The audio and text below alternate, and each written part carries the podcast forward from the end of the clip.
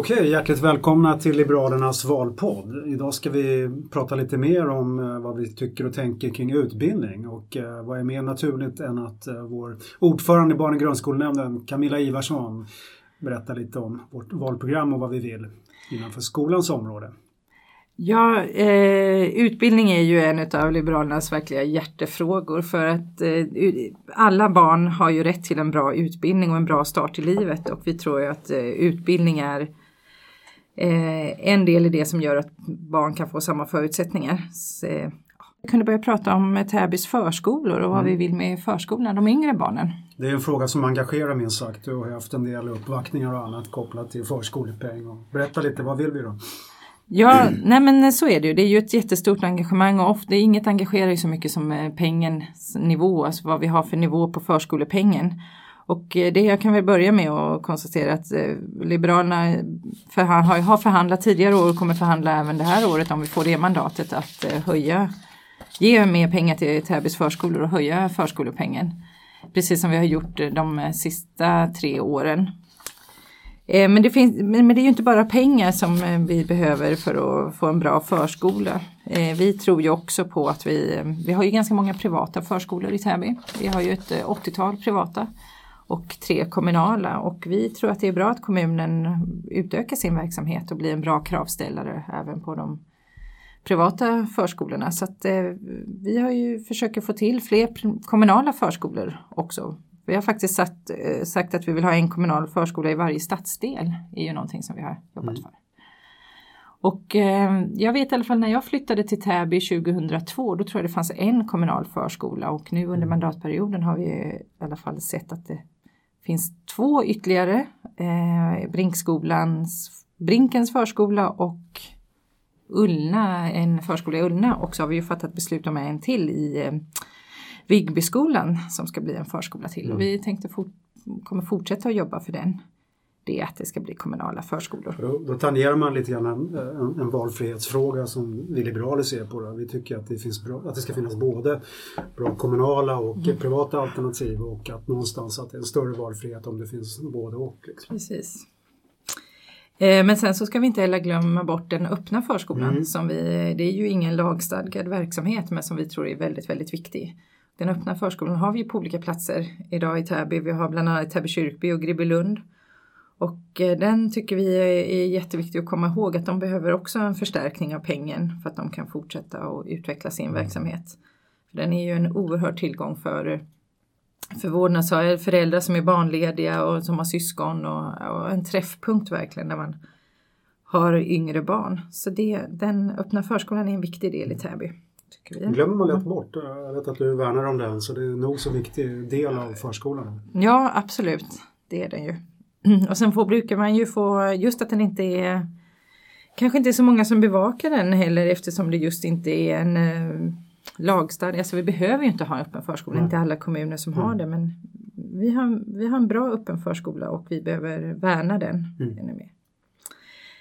Ja, det var lite om förskolorna. Sen finns det ju mycket annat inom förskolan och det handlar ju också om, om hur vi ska se till att eh, barn med behov av särskilt stöd får den hjälpen tidigt redan i förskolan, vilket vi tror underlättar också övergången till skolan och, eh, och framförallt om man har ett bra samarbete mellan förskolorna och skolorna.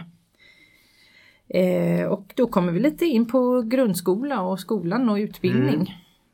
Vi har ju formulerat eh, i Alliansen ganska höga ambitioner. Där mm. säger vi att vi ska ha Sveriges bästa utbildningskvalitet. Mm. Kan du utveckla lite grann hur vi ska ta oss dit? Eller kanske redan är där, vad vet jag? Ja, vi ligger ju väldigt bra till när det gäller utbildning om man ser till meritvärde och kvalitet på utbildningen, absolut. Och, eh, men ett viktigt mål för oss liberaler är ju att alla barn ska nå godkänt i alla ämnen när de går ut nian. Det är det absolut viktigaste. Och idag så är det en hög procent som gör det men eh, jag tror att det är 90, 94 procent som eh, når målen. Men vi har en bit kvar. De ska, det ska vara alla som gör det.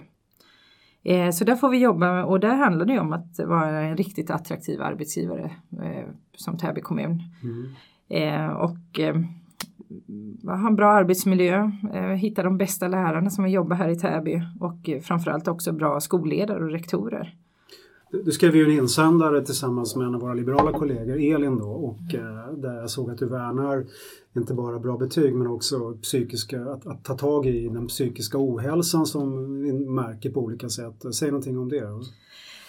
Ja, nej men det är ju, alltså betygen, vi är jättestolta över att vi har ett högt meritvärde i Täby men det blir lite ensidigt att bara fokusera på och vi mäts ofta emot det i, i, i rankingar och när man tittar på kvalitet och vi vill ju också att eleverna ska må bra och vi ser att i olika enkätundersökningar att det finns, alltså, det finns en viss psykisk ohälsa bland ungdomar idag och den måste vi verkligen ta på allvar. Mm.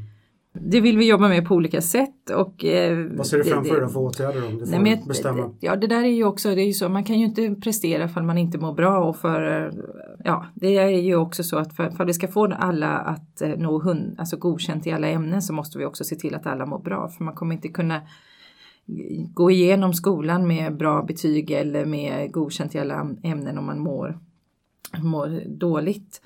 Ja, Eh, att behöver man hjälp så ska man få det. Det ska inte vara svårt att träffa en eh, skolkurator eller en eh, skolpsykolog. Mm. Eh, och sen handlar det ju också om hur vi, hur vi hanterar det här med förväntningar på meritvärde och, mm. och betyg. Det är ju så att vi har ju naturligtvis en, ett starkt engagemang hos föräldrar också som vill att, man, att deras barn ska prestera. Mm. Och det handlar ju också om en balansgång vad vi mm. från skolans sida ger för signaler till ja, vi ska vara tydliga med vilka förväntningar det finns och hur, hur ungdomarna kan hantera de förväntningarna. Eh, en del stress ligger säkert i också att man är osäker på vad som förväntas av en att, mm. och hur man ska hantera det.